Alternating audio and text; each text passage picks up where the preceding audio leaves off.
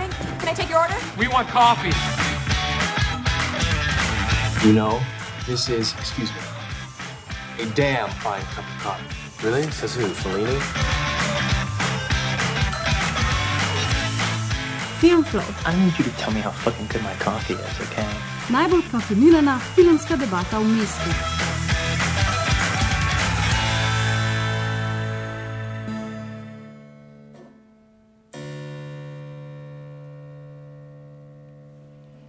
Ça raconte l'histoire d'un orage qui monte.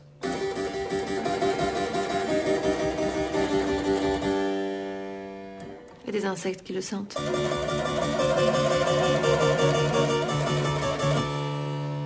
Il s'agite. Et la tempête qui éclate. Avec les éclairs et le vent.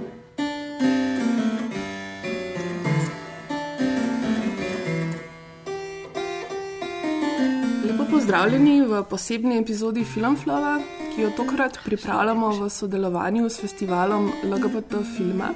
Oziroma kot uh, nekakšen zaključek, oziroma zaključno dejanje tako imenovanih kavarniških pomenkovanj, uh, ki so se v sklopu festivala odvijala vsak večer po izbranih filmskih projekcijah.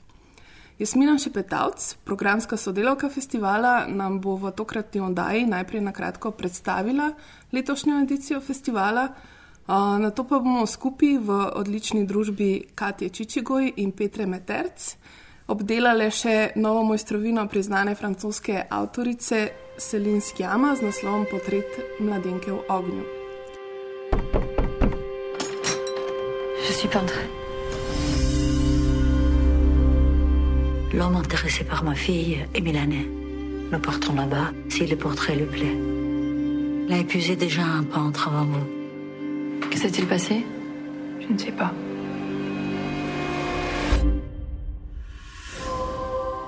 Portret je v Kanu dobil Queer Palmo, ki jo izbrana žirija vsako leto podeli enemu od filmov z LGBT plus tematiko in nagrado za najboljši scenarij. Tudi na festivalu LGBT filma pa je požel uh, veliko zanimanje in do zadnjega kotička napolnil kinotečno dvorano. Festival letos praznuje obletnico. Ja, letos praznujemo 35 uh, let festivala um, in zato festival tudi velja za uh, najstarejši festival, to vrstni LGBT festival v Evropi. In veliko v bistvu se je stvari spremenil v teh 35 letih. Vsako leto um, dobivamo filme, ki so že dosta uspešni na enih drugih festivalih, mainstream festivalih, vedno večje produkcije so to, ne, uh, vedno bolj kvalitetne. Ampak kljub temu se v svoji selekciji nekako trudimo zbirati filme tudi iz kinematografij, ki so.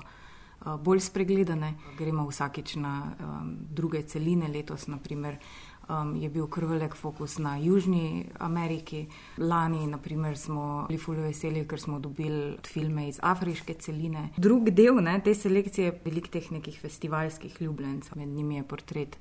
Mladenka v ognju, Tresen je gvatemalski film, um, ki je imel svojo premiero na Berlinskem filmskem festivalu, pa Divji, ki je sicer prvenec in je tudi v Kanu v bistvu požel dost uh, enega zanimanja. Nošo srce, z Veneso Paradi v glavni vlogi in je en tak res zanimiv retro kičast. Film, ki se dogaja v 70-ih letih v geovski pornosceni, in potem se nekako sprevrže v en thriller, ki išče umorilca. Skratka, en zanimiv miks imamo, ne? trudimo se uh, zbrati filme, ki so zanimivi za različne publike, pa tudi veseli nas, da je vedno več filmov za trans tematiko, z interspolno tematiko, tako da na nek način se ta skupnost dejansko razširja, ne? ni več samo geovska in lezbična, ampak. Se pa festival tudi širi v druga mesta izven Ljubljane? Ja, že leta v bistvu je festival v drugih mestih. Veseli smo, ker nas um, veliko ljudi kontaktira, da bi v njihovem mestu radi prikazali kak naš film. Dolga leta že sodelujemo z gimnazijo Optuj, prikažemo um, mladinske filme, mladinske LGBT plus filme v mestnem kinu Optuj uh, in gimnazija tudi sama povabi ponavadi uh, koga, da še nekako naredi predavanje poleg filma. Potem smo v Bistrici obsotli, v Trst uh, smo šli pred enimi tremi leti, v Kopru, v Mariboru, um, v Idriji. Velikrat ne pozabljamo, um, da je LGBT skupnost tudi v drugih manjših mestih, kjer se dogaja tudi čez leto veliko manj ali pa nič. Ne. Um, v primerjavi z Ljubljano. Tako da na nek način imajo ljudje tudi vsaj za ta teden, ne, festivalski, nek uh, svoj varen prostor, pa vidijo neke podobe LGBT življenj tudi doma. A bi nekako rekla, da se v bistvu zanimanje za ta festival vsako leto povečuje? Ker mi jaz zdaj tudi nekaj časa, um, vsako leto se ga udeležujem, pa se mi nekako zdi, da, da je vsako leto v bistvu so bolj polne dvorane na filmih, hkrati pa tudi um, vsako leto imate več zanimivih gostov, razne delavnice potekajo, vključite uh, ljudi v neke aktivnosti. Skozi leta se v, v bistvu dosta ta identiteta na nek način spreminja. Ne? Queer identiteta, LGBT identitete, um, razširjajo se na drugačne načine, se definirajo, ne? se zaobjema tudi druge dele LGBT plus skupnosti. V tem primeru se, se povečuje. Tudi uh, filmi so vedno bolj kvalitetni, so filmi, ki um, dobivajo na splošno res zelo veliko pozornosti, tako da v bistvu tudi pride uh, jo kakšni gostje, ki so čist pač filmofili, um, gledati na naš festival filme, ki so dobri. Ne? Nima več tega prizvoka, da zdaj je res čist sam za skupnost, čeprav primarno seveda je um, tudi nek uh, skupnostni festival.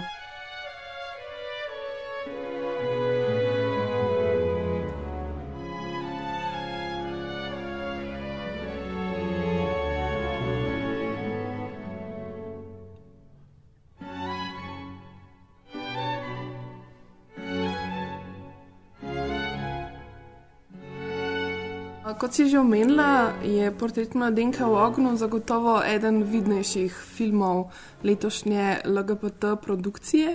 Hkrati pa bi nekako lahko rekel, da uspešno nadaljuje tudi en tak trend lezbičnih kostumskih dram. Uh, nekako, če pomislim na sluškinjo Park Chan-Vuka in najljubšo Jorgosa Lantimusa, um, bi lahko rekla, da to postaja tudi eden mojih najljubših žanrov. Uh, vsi trije filmi imajo precej skupnega, zanimivo pa se mi zdi tudi to, da kljub temu, da so vsi postavljeni v specifično zgodovinsko okolje, nekako vsem delujejo zelo moderno.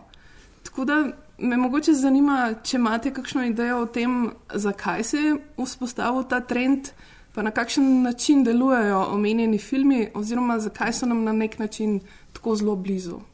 Meni se zdi, da je ta trend v bistvu se začel v literaturi. ne. Sarah Waters se je v bistvu ta zgodovinska lezbična romanca ful popularizirala. Ne. In Park Chan-wook je naredil adaptacijo ja, njenega romana. V nekem smislu to glede na literaturo, ne, se mi zdi, da lahko bi tle neka dva momenta zanimanja bila. Ne. In eno je to iskati neke m, te podobe v zgodovini, ki korespondirajo mm -hmm. z recimo skupnostjo danes, ne, mm -hmm. kot je bilo tudi v feministični, recimo literarni zgodovini in umetnostni zgodovini, ne pač iskati te umetnice, ki so bile pa pisateljice in tako naprej, mm -hmm. pa niso bile znane. In, uh, So bile pozabljene, ne? na nek način se mi zdi, da je tle malo ta moment, čeprav ne gre za res za zgodovinski film, ne pri mladenki.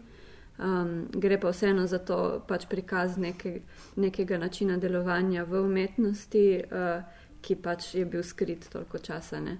Po drugi strani pa recimo, začetek mladenke je meni deloval, kot da bi gledala nek sodoben film, kako Marjen hodi, njene geste in tako so zelo na nek način sodobne in uh, tudi ta problematika. Tako da bi rekla, da bolj kot za neko to zgodovinsko arheologijo gre za v bistvu neke zgodbe, ki zelo korespondirajo s sodobnostjo, so pa postavljene tudi v, drugo, v nek drugi čas, mogoče s tem namenom pokazati. Čeprav mislimo, da je LGBT kvir zaradi pač aktivizma in tako na nek način fenomen 20. stoletja, to v resnici ni, ne samo ni bil na ta način mišljen ali pa uh, politiziran. Ne. In kar te filmi naredijo, je v bistvu tudi te neke klasične podobe obdobij. Res lepo sprevržejo, ne samo na način tega, da kažejo LGBT podobe, ampak tudi res uh, usmerijo nek modern pogled v to, da ni to več samo neko okence, v katerega mi mal gledamo in se čudimo pač tem njihovim čudnim navadam, ampak res mal bolj uspejo zarezati v to, da, da te ljudi vidiš kot ljudi.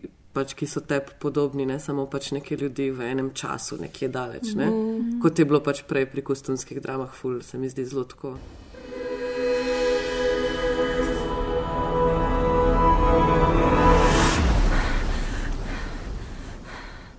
Ça fait des années que je rêve de faire ça. Mourir Courir. Eno stvar, ki sem jo jaz opazila, tako čist v, na filmu, ki se mi je zdela zelo tako moderna, je bila ta, da um, ima Marijan v krilu žepe Mhm, in vedno zelo tako mhm. po fantovsko hod. mhm. In to so prav specifično s tem namenom naredili. Um, pa tudi dejansko v tem obdobju, a film se dogaja, mislim, da 1770, ja. tam nekje se pravi konc 18. stoletja. Glih takrat so pol spet prepovedali to, da bi imele ženske žepe v krilih. Aha. Ker to ni bilo um, primerno. Ne? Tako da so zelo zanimivi neki taki detajli tudi vključeni v ta film. Se pa meni zdi, da je tako tudi en čist tak zelo banalen razlog, zakaj so nam tako blizu ti filmi, zaradi tega, ker smo res pogrešali take podobe v I really wanted to show an artist at work, and I wanted to, and decided painting was quite cinematic actually, because you could see the layers. You know, it's all about, it's not about the masterpiece, it's about the job. Well, regarding art history, there was like a great rise for women painter at the, the second half of the 18th century. There were hundreds of them. They're having a lot of great careers.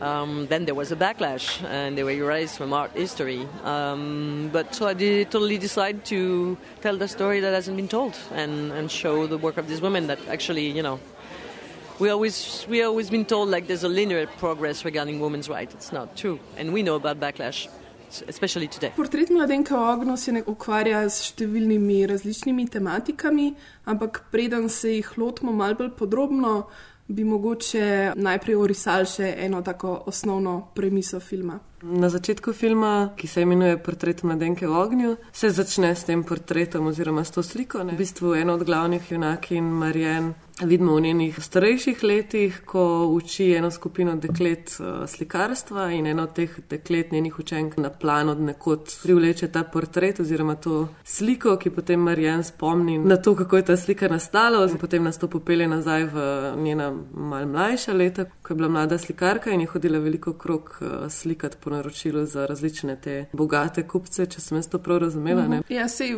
mislim, ljudje, ki so imeli denar, so bili eni redkih, ki so si lahko prvoščali mm. to, Mm. da so si dal naslikati portrete. Ne? Ja, in ona v bistvu pride na nek ta otok um, zaradi naročila oziroma želje mame um, nekega dekleta, Eloise, da jo ona naslika. Zakaj? Zato, ker um, je bila v tej družini še ena hčerka, ki je pač uh, storila samomor in zvemo pač zelo hitro, da je naredila samomor zato, ker se ni želela poročiti z nekim snupcem iz Milana, ki ga pač ta mama nekako. Uh, si želi za svoje hčerke, v bistvu se nam zdi, da je zelo vseeno za eno ali za drugo, Mm. mm. čisto vseeno. Pa mal si tudi zase, ne, zares želi to, ker ja. Ona želi vrniti v Milano. Ja, in potem v bistvu uh, ta druga hčerka, ne, ki je pa pač um, zaradi smrti svoje sestre prišla iz samostana in jo zdaj mama hoče uh, omožiti. Ne, um, pa pa ne, seveda to tudi zavrača, ampak to zavrača na način, da. Um, in to je meni ta lep moment, ne, pač, uh, ker je v bistvu tudi zelo zabaven, da pač v tistem obdobju pač si poslal nekomu, snupcu, portret um, nekega dekleta in si mu ga poslal, in potem je on pač potem precenil, a bo zdaj pač to dekle vzel za ženo ali ne. To se mi je zdelo tako, kot nek ta Tinder 18. stoletja, tako zelo na hiter, ampak v bistvu veliko več truda v to vloženega. Ampak hkrati je neko kupovanje blaga v resnici. Seveda, ja, ja, ja, ja. Ja. Mm. In um, seveda se ta Eloise upira temu in enega slikarja že, kot zvemo, je pač že zavrnila oziroma se mu ni pustila naslikati. In zato pač um, ta mama, Marijen, nekako um, naloži nalogo, da se v bistvu gre neko garde damo um, Eloise, da jo spremlja na sprehodih in da ji ne pove, da jo slika.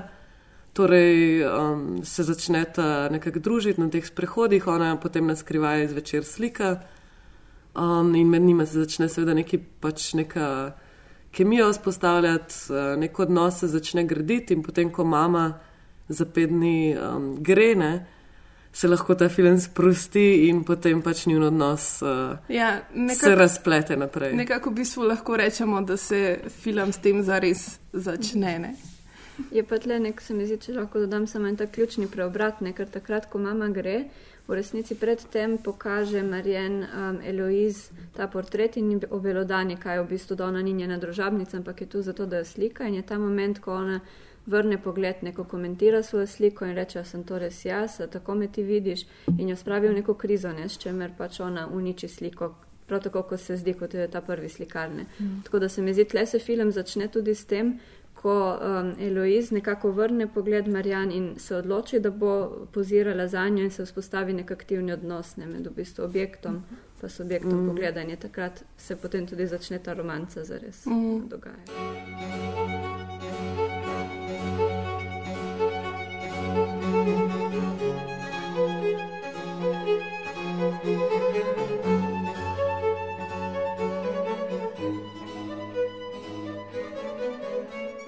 Ti je nekako v osnovi zgodba o ženskih umetnicah in ženski umetnosti. Dogaja se na pragu francoske revolucije in je, vsaj kot sem ga jaz tudi razumela, nekakšen film o enakosti, svobodi in sestrstvu.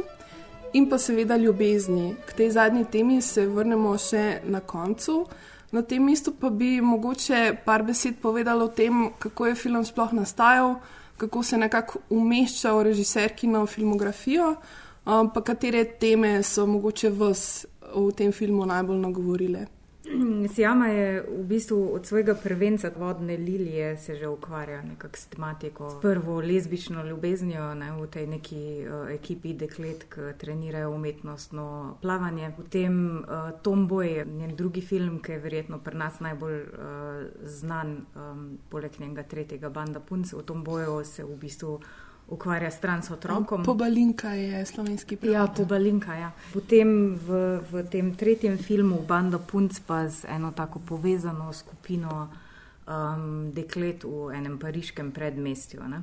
Skratka, povsod se pojavljajo te neke teme, um, dost feministične, dost queer. Uh, si je pa po Bandi Punc vzela kar pet let, ne, da je naredila ta portret um, mladenke in ko je govorila o intervjujih, je um, zelo skrbno in počasi pisala scenarij. Zaradi tega, ker je res hotela, da je natančen in se mi zdi, da se temu scenariju to res pozna, ne? vse je tam z namenom. Pa tudi zelo dolga raziskava je bila, ne? mislim, ona se je veliko ukvarjala s to. Ja, tematiko, sploh slikark. Ja, ja, dolga raziskava je bila. Pra, pra, govorila je zares, da je začela brati o teh nekih slikarkah um, pred francosko revolucijo in ugotovila, da je bilo v bistvu teh slikark ogromno. Um, tudi bile so um, zelo cenjene ne, v tistem času, dejansko so pretežno imele te neke bogate mecene. Potem, ko se je pa zgodila francoska revolucija, pa so vsi ti ljudje, bodi si so jih ubili, bodi si so pobegnali po drugih evropskih državah in one velikrat z njimi, ne? ali pa so ostale brez karijere. Sicer se je potem neki drugih uh, žensk uveljavljalo na ta način, da so revolucijo slikale ne? in um, vsaj za en čas, ampak tudi to ne? je potem bilo nekako zatrto v kali. Um, no, in jo je fascinirala v bistvu in prvič ta neka zgubljena zgodovina teh umetnic. Um, in zgubljena zgodovina podob, ker one so vseeno slikale lahko neke podobe, ki so kazale te ženske svetove. Ne? Pa tudi um, na nek način moških aktov niso smele slikati. Ne? Ja, in to je res dobra poanta, ne bila v filmu, ko jim zaprejo ta vrata, da bi lahko slikali ali pa se naučile ne, tudi slikati to neko moško anatomijo, ne, jim zaprejo vrata za vse velike zgodovinske teme, ne, ker mm. pač zgodovina, ta uradna, je vseeno moški. Tukaj se mi zdi, da je v filmu en dober komentar na to, ne ravno o tem, mm. uh, pač ona to eksplicitno reče. Ne?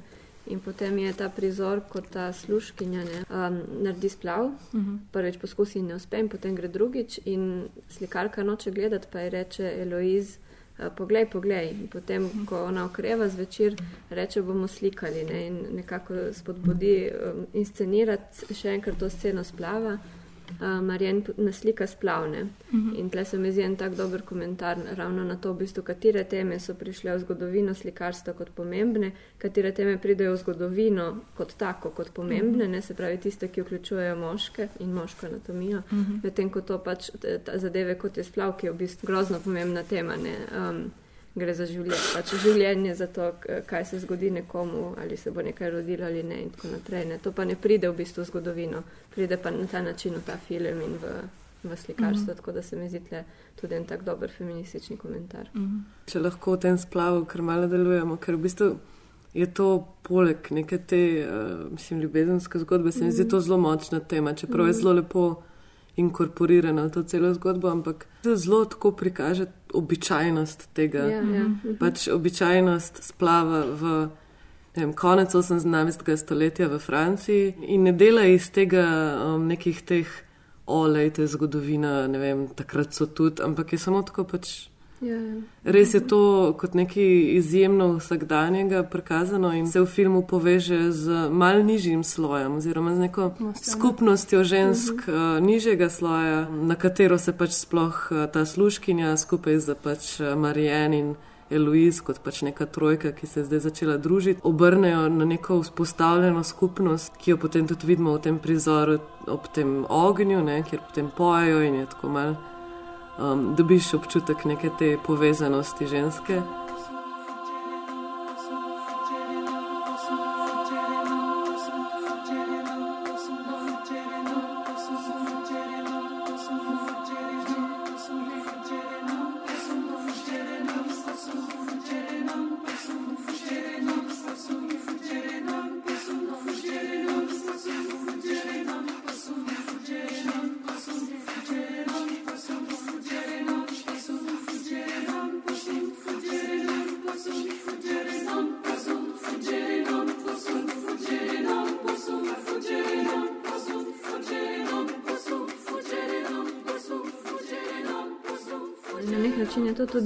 En tak trenutek, ki ta dekleta zelo poveže. Ne? In se mi zdi tle spet ta neka sodobnost pogleda, recimo tega, kako se v bistvu takrat, ko mama odide z otoka in ostanejo one tri same, se na nek način porušijo vse te konvencije, tudi razreda oziroma Mhm. te pripadnosti aristokraciji.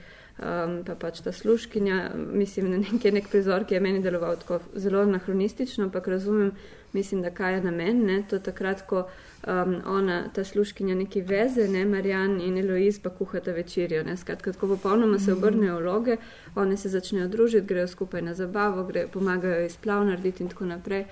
Um, in se mi zdi, da je tako, da zares pokaže nekako iz tega sodobnega pogleda, kako zelo se, te, se ta dekleta niso znašla v teh rigidnih um, okvirih tistega časa in razreda in pač uh, spolne usmerjenosti oziroma pač te neke heteronormativne družine, ki je v bistvu um, nek mehanizem nadaljevanja dediščine imena in tako naprej, ne, neke politične poroke, ampak v bistvu prebijajo to prav s tem nekim sestrstvom, ne, tako kot si ti rekla, mm. pač neko, uh, z nekim prijateljstvom in hkrati ljubeznijo in je tako se mi zdi zelo um, dober moment. In ta splav je del tega, ne, v bistvu, ja. Um, Ja, meni se zdi super tudi, kako film na različne načine kaže to njihovo osvobajanje ne, iz teh sp- spon nekega protokola, nekih pravil. Mislim, ena super ce- scena je ta, ko ne kartajo. Recimo. Um, se mi zdi Mhm. en tak primer. Pol to, kar si rekla, ja, da skupaj jejo in kuhajo, pijejo vino in pivo, kadijo um, in počnejo v bistvu vse take stvari, ki jih recimo v podobah, ki vključujejo ženske, zelo malkrat dejansko vidimo, ne? ker to so vse neke dejavnosti, ki jih ponavadi pripisujemo moškim. Ta v bistvu misel na te detajle in poudarjanje tega je bilo, mislim, za me kot gledalko, ful, ful pomembno. Non, j'ai j'ai pas touché. Non, je l'ai pas touché. Ça y est, c'est pour Vous avez touché Concentrez-vous. À vous Je vous en prie. Deux cartes. Deux. Deux six. Oh Ah non, elles sont pour moi. C'est pour vous, oui.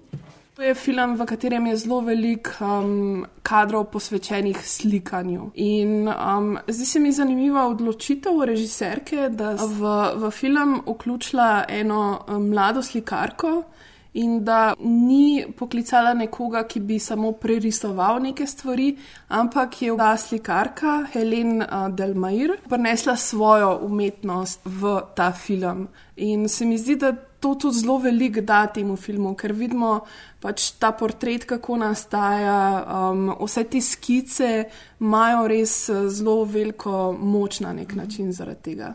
Našlo je pa na Instagramu. Uh -huh. Ker je rekla, da je v bistvu um, nazaj to neko klasično slikarstvo, ne, um, se vzpostavlja prek Instagrama. Tako da jo je našla tam in potem je potrkala na njena vrata in je rekla, da je mislila si verjetno ta ženska, da je nora. um, zanimiva je Sjama tudi iz tega vidika, um, da ona je itak zagovornica um, večje enakosti v filmski industriji mm. kot taki. Ne? To je za njo v bistvu ful pomembno. Um, in tudi to, na to vedno upozarja. In je zanimivo tudi iz tega vidika, ker to nekako dejanja na svojih setih. Ta film je zelo dober primer tega, da je večinska ta uh, ožja ekipa so, so ženske. Ne? Naprimer, ta uh, direktorica fotografije Claire Mato Mhm. je Može. delala tudi na enem gej filmu Stranger by the Lake. Tujec ob jezeru. In se mi zdi, da sta mogli, zares, da, da sta toliko mogli premisliti ne, skupaj, ker je vsak kader tako dodelan, točno to, kar si rekla, vse deluje kot klasične slike. V bistvu so zelo veliko sta delali ne, na sami koreografiji, ker ja. film je večinoma posnet v dolgih posnetkih mm. ne, in znotraj tega je, se odvija ta neka mm. koreografija, kar tudi prenese en zelo tak specifičen um, občutek pa atmosfero, se mi zdi. Um, pa v bistvu, kar sem prej še hotela povedati pri um, pr tej vključitvi ne, te Mhm. slikarke, v bistvu vsi prizori, uh, kjer um, vidimo roke, ki rišejo, so v bistvu njene roke. Ne. V bistvu ona je delala z Marijen, ne, z igralko, ki um, upodobi slikarko.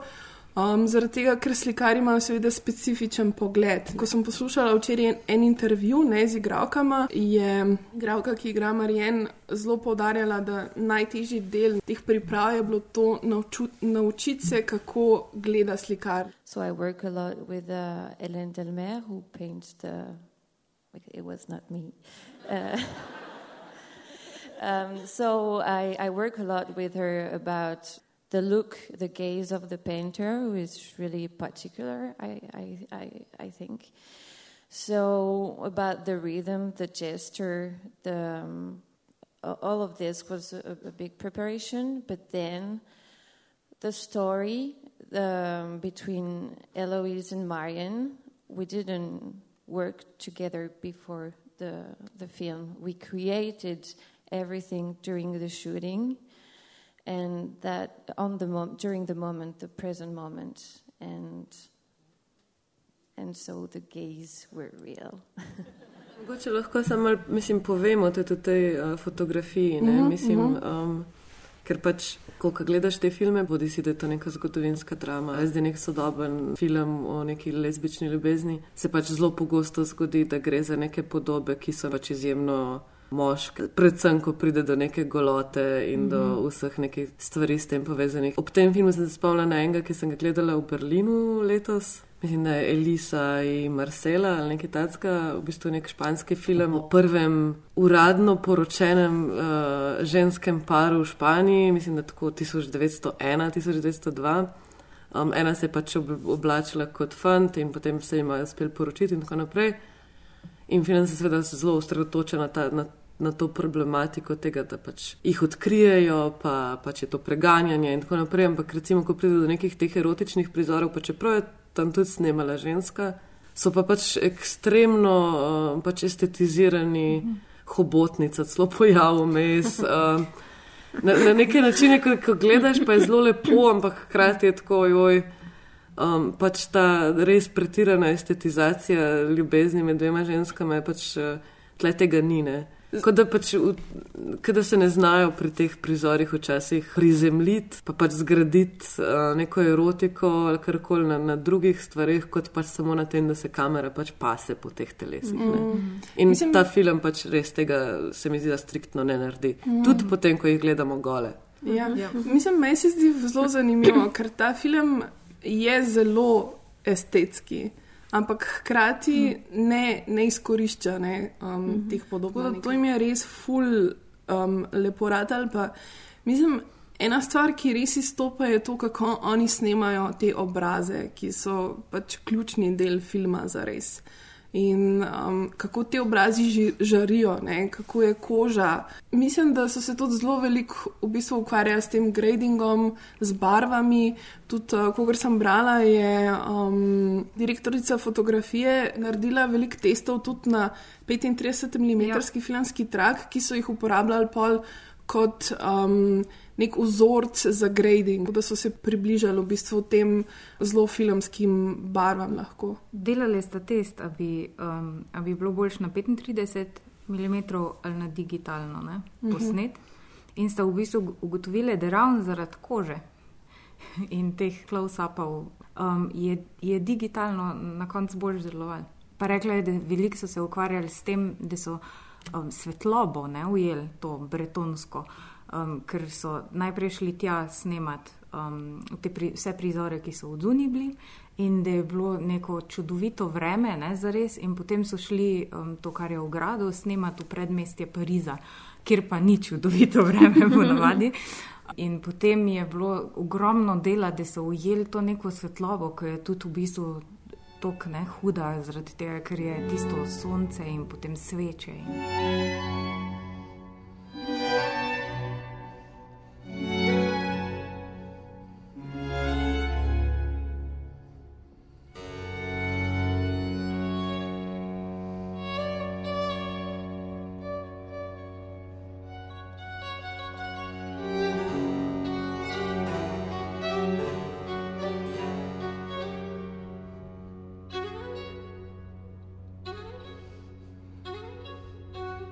Portret mladenke v ognju se zelo veliko ukvarja z ženskim pogledom.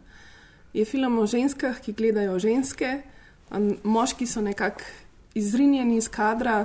Um, Jih ni ne. Ja, Skjama tudi naredi konc temu konceptu slikarjeve muze in na novo vzpostavlja odnos med opazovalcem oziroma opazovalko in opazovanim. Pa Jasmina, mislim, da v članku o, v reviji Ekran zapiše tudi, da gre za učno lekcijo iz ženskega in lezbičnega pogleda v filmu. Se mi zdi zelo očitno, da se tako zelo eksplicitno ukvarja s to tematiko, ne pogleda da tudi na sami ravni zgodbe mm. v odnosu med tema dvema dekletoma. V resnici se to na nek način pojavi že čisto na začetku, se mi zdi, mm -hmm. ko ta slikarka Marjen ne v bistvu pozira svojim učenkam, kar meni se je zdelo nenavadno, nisem mm. zasledila. Da, tako, da se, oziroma, da se to pogosto dogaja, se pravi, se ona postavi v pozicijo objekta. Potem v tistem prizoru, ko Eloiz uh, pogleda to svojo sliko, jo komentira in na nek način vrne pogled, se vzpostavi vloga med um, to, ki je slikana in to, ki slika, ki je v bistvu na nek način aktivni odnos um, iz obeh strani. In to je, se mi zdi tudi na ravni samega filma. Film se trudi, da ne bi objektificiral eh, njuni telesi, ne, ali pa recimo Eloiz še posebej.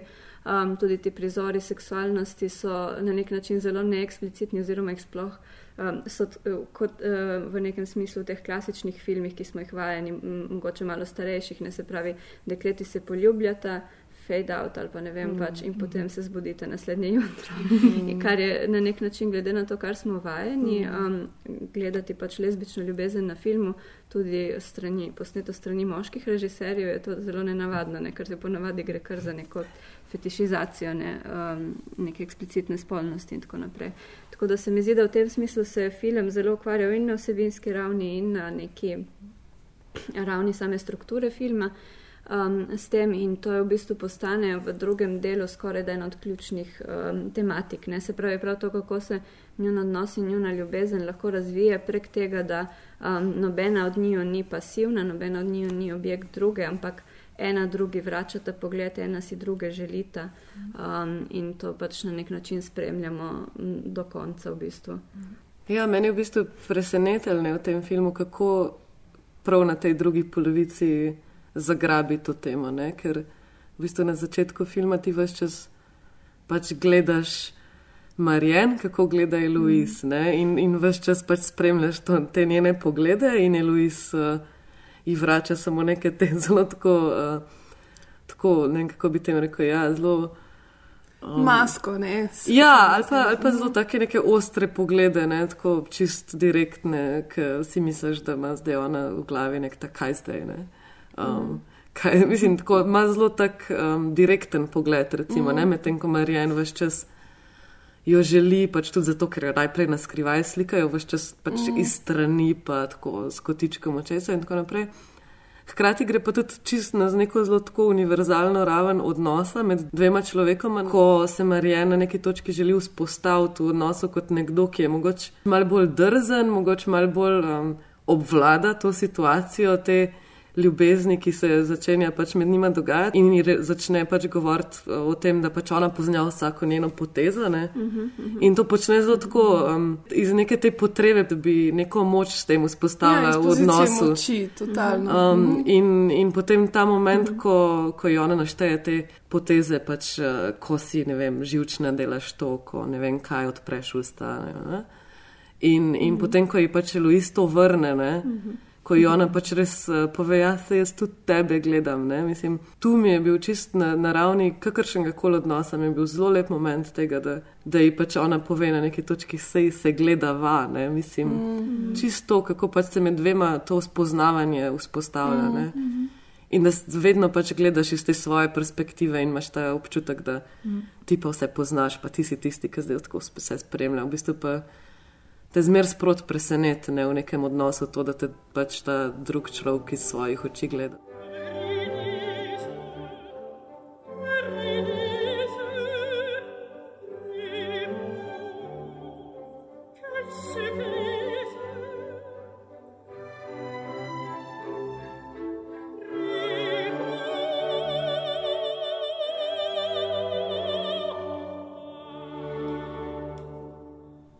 Prvi del filma je res Eloise vzpostavljena kot objekt, ne? kot Marijan jo res gleda samo njeno zunanjost, kako bo narisala njena ušesa, kako bo narisala, kakšne barve je njena polt. Um, tako ukvarja se res samo s to zunanjostjo. Ne? Pol pa v bistvu, ko je ona vrne pog- pogled, oziroma je pa prisiljena jo videti na nek drug način. Ne? In se tukaj film čist razlom um, n- na tej točki. Plus, da ima, mogoče še to, da ima Marijan ima v bistvu zato, ker ko ona pride ne, na ta otok, ki pač mama pove neke stvari, Mhm. neka dejstva in potem jih Marijan ponotrani in jih tako si dal neke te, si zgradi neko podobo Eloise in potem še to sluškinjo zaslišuje, kakšna je zdaj ona, kaj je bila ta Mhm. situacija s sestro. In, in od začetka zelo nastopa kot nekdo, ki si je že ustvaril neko mnenje o Eloise. Mhm. ne. Ves čas je v bistvu tudi zelo lepo, kako pač to dinamiko gledamo, to, da Marijan vse čas misli, da malo več ve o njej, ne, Ja, ja. kot v resnici, ali pa obratno. Um, že sam na začetku pri tem prizoru, ko pač se Marijan začne teči in seveda smo vsi tako, seveda ne bo skočila z tega klifa, ampak tako.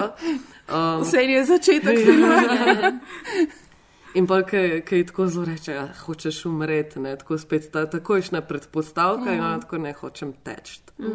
Pa tudi za- zanimiv mi je tisti prizor, ker Eloisa v bistvu zavrne ne, njeno um, sliko, pa ona se začne upravičevati. Ja, ampak obstajajo neke konvencije, kako slikaš ne, ta portret. Moraš upoštevati to, uno in tretje, ne, kar so v bistvu spet te neki patriarhalni vzorci, ne, kako naj bi ena ženska zgledala. Ne. Se mi zdi zelo zgovorno ravno to, da v bistvu uh, kako aktiven je ta objekt pogleda, ne tako rekoč, oziroma to, kar nam je tako predstavljeno, se pravi Eloise, da dejansko njenega portreta ni mogoče naslikati, če ona ne privoli v to. Ne? Že prvi Mhm, slikar je mhm. obupal in ona vidi to sliko brez, brez obraza. Isto se zgodi Marjen, ker pač ni povedala Eloise, da je slika in ni bila zadovoljna s portretom in tudi uniči. Skratka, če ona ne pristane na to in se ne vzpostavi ta vzajemnost, je ni mogoče naslikati. In tle se mi zdi zanimiv tudi ta moment, ki se zelo povezuje s tem mitom o Orfeju. ne. V enem, v enem prizoru kasneje Eloise bere. Um, In uh, potem se, se, se spostavi ta dialog med njimi, zakaj se Orfej obrne, da je Euridika zgine in pravi Marijan, ja, mogoče je tle prevzame vlogo pesnika, pa je hotel si obdržati v spominu, ne pa zares imeti življenje z njo. Krat reče Eloiz, mogoče pa je Euridika želela, mogoče ga je ona poklicala. Ne? Se pravi, spet uh, tale klasični mit, ki je povsem iz vidika Orfeja in tega, kaj je on hotel, kaj je mislil, tako naprej. Um, nekako stopi ta moment, kaj pa je uridika. Ne? Mhm. In uh, tle, tako se mi zdi na nek način zanimivo, ravno je spet nek meta komentar na to, na to idejo ženskega pogleda in moškega pogleda. Brala sem pač neke zapise o tem filmu in ga primerjajo tudi recimo s Hitchcockom in z Vertigom. Ne? In to je eno od teh filmov, na katerih je, mislim, da Laura Malvi prav spostavljala to idejo moškega pogleda, Mhm, en ja. od njih. Ne? Tem filmu seveda gledamo skozi, eh, pač skozi perspektivo glavnega moškega lika in je ta ženski lik je kot na nek način nek duh in um, ne vemo točno Fantazija kaj, tudi neka njegova, fantazija, ne, je Mhm. vedno samo objektificiran. Medtem ko tukaj se pač tudi uh, spet vrne ta motiv, ne, um, Marjan vidi Eloizo v tej poročni obleki večkrat kot nek duh, ne, na koncu se to poveže s, tem, s to idejo euridike, z njunim slovesom in tako naprej.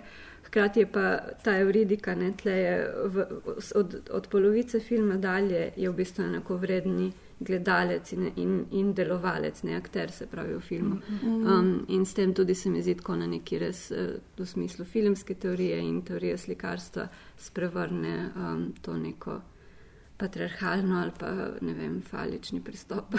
Mislim, ja, pa tudi tako čisto v bistvu zelo tako enostavno pokaže pač neko žensko željo in, in neko aktivno vlogo v Mhm. odnosu. To preopraševanje tega si mogoče Euridika želela, da se on obrne. Ne? Mhm. Mene je to čist šokiralo, ne?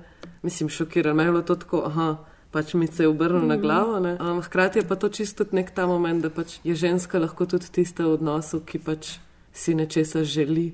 Mhm. In tudi če je to pač um, pogled moškega ali pa pač pogled v tem primeru, pač Marjan. Ženski pogled, lezbični pogled, to so vedno ne, te, te neke koncepti, mislim, ki jih je težko, um, malo so esencialni, Mhm. lahka. Ne. Um, tukaj se mi zdi, da je pač nasplošno je iznašla nek nov način pogleda na filmu. Ne. Ki te v bistvu, ne glede na to, v kateri poziciji si kot gledalec, gledalka, te na nek način vedno spodmakne, a veš ti tla in te skozi sili v neke nove načine um, gledanja, interpretiranja. Recimo, meni je tudi fulj zanimiv ta prizor seksa, ko uporablja prste ne, in potem nekaj časa sploh zares ne veš, kje ti, ti prsti so Mhm. um, in kaj se dogaja. Ne? In ona je rekla, ne, sej sem prikazala v bistvu nesimuliran seksualni prizor. Ne? Vse je res, ne? mislim, zakaj, zakaj seksualnost vedno povezujemo z genitalijami. ne? um, na kak način razmišljati v lezbični želji onkraj. Moškega pogleda ali pa onkraj te neke falične seksualnosti. Mhm. Ne? Tukaj se mi zdi, da je ful inovativna. Mhm. Um, Meni se zdi super tudi ta prizor, um, ki jo Eloise pros, da ona sama sebe naslika. Mhm. To, kar ima ona ogledalo, si da na področje genitalij Mhm, ne, in v bistvu vidimo v tem ogledalu njeno brezpol. Mhm. In se mi zdi to tako res ena taka super podoba. Ja.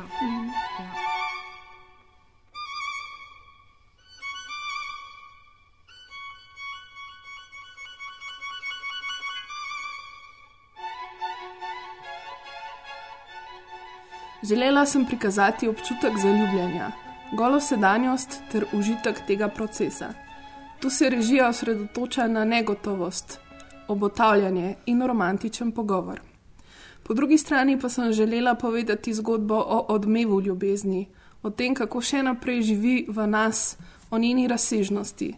Tu se režija osredotoča na spominjanje, film pa je spomin na to ljubezen. Um, Režiserka si v tem filmu, mislim, kar je meni bila ena izmed najlepših stvari, res vzame čas, da zgradi ta odnos, to romanco med Marjan in Eloise. Tako res korak za korakom, oziroma bolje rečeno, pogled za pogledom. Um, in ko se ta ljubezen dejansko potem zgodi, ima res full velik pomen. Um, in zdi se mi, da tukaj je res ta režiserkina restriktivnost um, ki se kaže tudi v odlični uporabi glasbe, res um, odlično deluje. Zgodba se odvija počasi, um, nepredvidljivo um, in nam v bistvu na koncu ponudi tudi enega od najmo najmočnejših in najbolj katarzičnih koncev, ki smo jih v filmih lahko videli v zadnjih letih. Mene je konec na nek način zelo presenetil, ko se mi je zelo, kot da ima neke vrste tri konce, skoraj bi lahko rekel. Ne. En konec je njuna neposredna ljubezenska zgodba, ko odide Marjan z otoka, ne. potem je pač sledita še dva prizora, en je v galeriji, um, kjer v bistvu je spet nek komentar na umetnostno zgodovino, kjer reče Marjan, jaz sem naslikala sliko Orfeja in Euridike, kjer se poslavljata, vidi pa tudi sliko Eloizne in tam je spet ta nek uh, aktivni moment, ker opazi, da ima Eloiz v rokah knjigo na točno tisti strani, se pravi, ravno gre za to knjigo, kjer, iz katere je brala Orfejo, na tisti strani, kjer se je Marjan naslikala. Ne? In je v bistvu tle. Hkrati pa jo vidi potem še enkrat na enem koncertu, mislim, da Vivaldijevega poletja. Ne?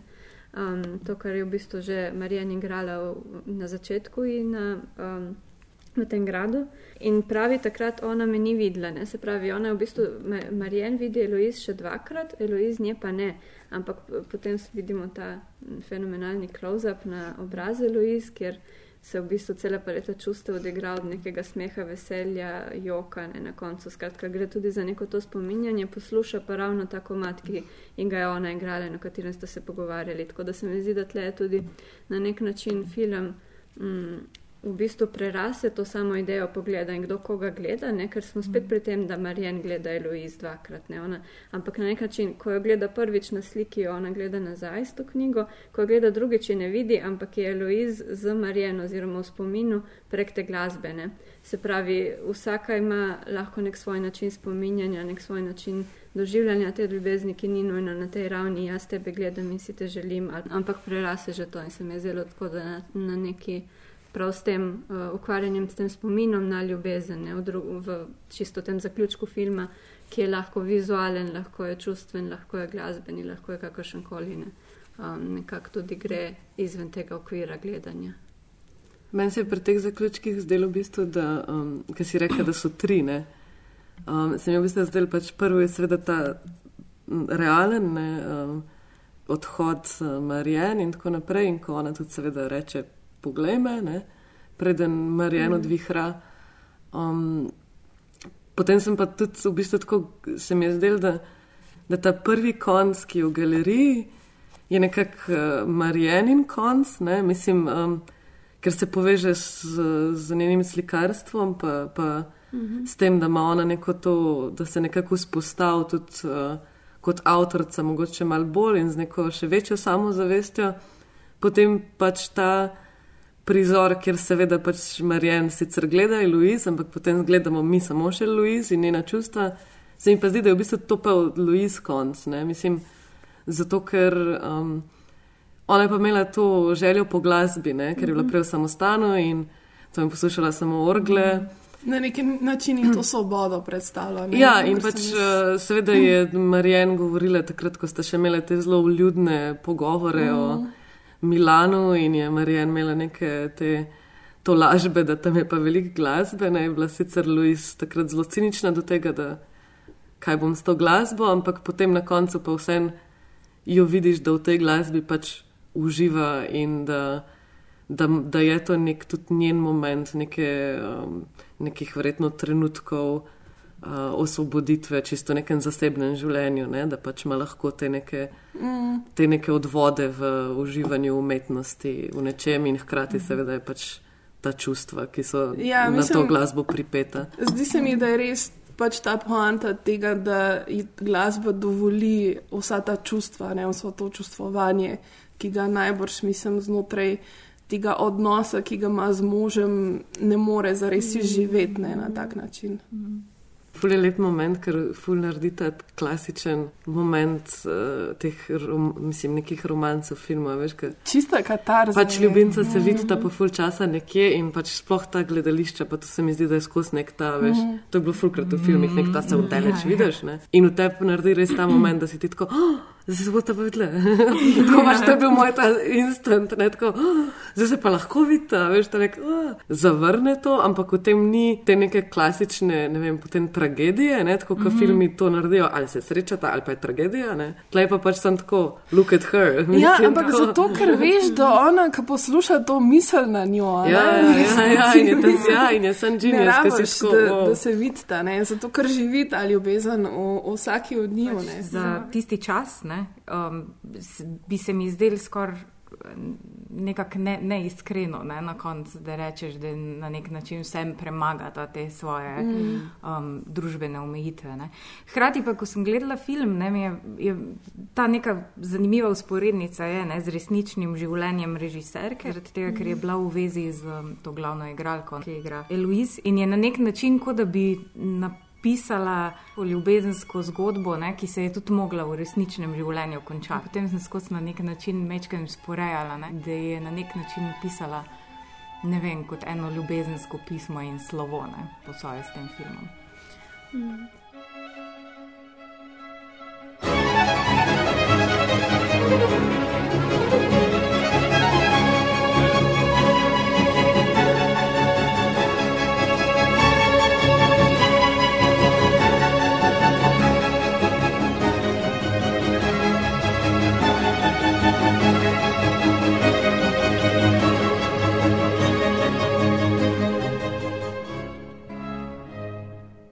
Film od 19. decembra naprej igra v kinodvoru in v Art Kino mreži, tako da res lepo vabljeni, da si ga greste pogledati v kino in pač doživite vso to silovito ljubezen tudi sami. Hvala vam. Hvala za povabilo.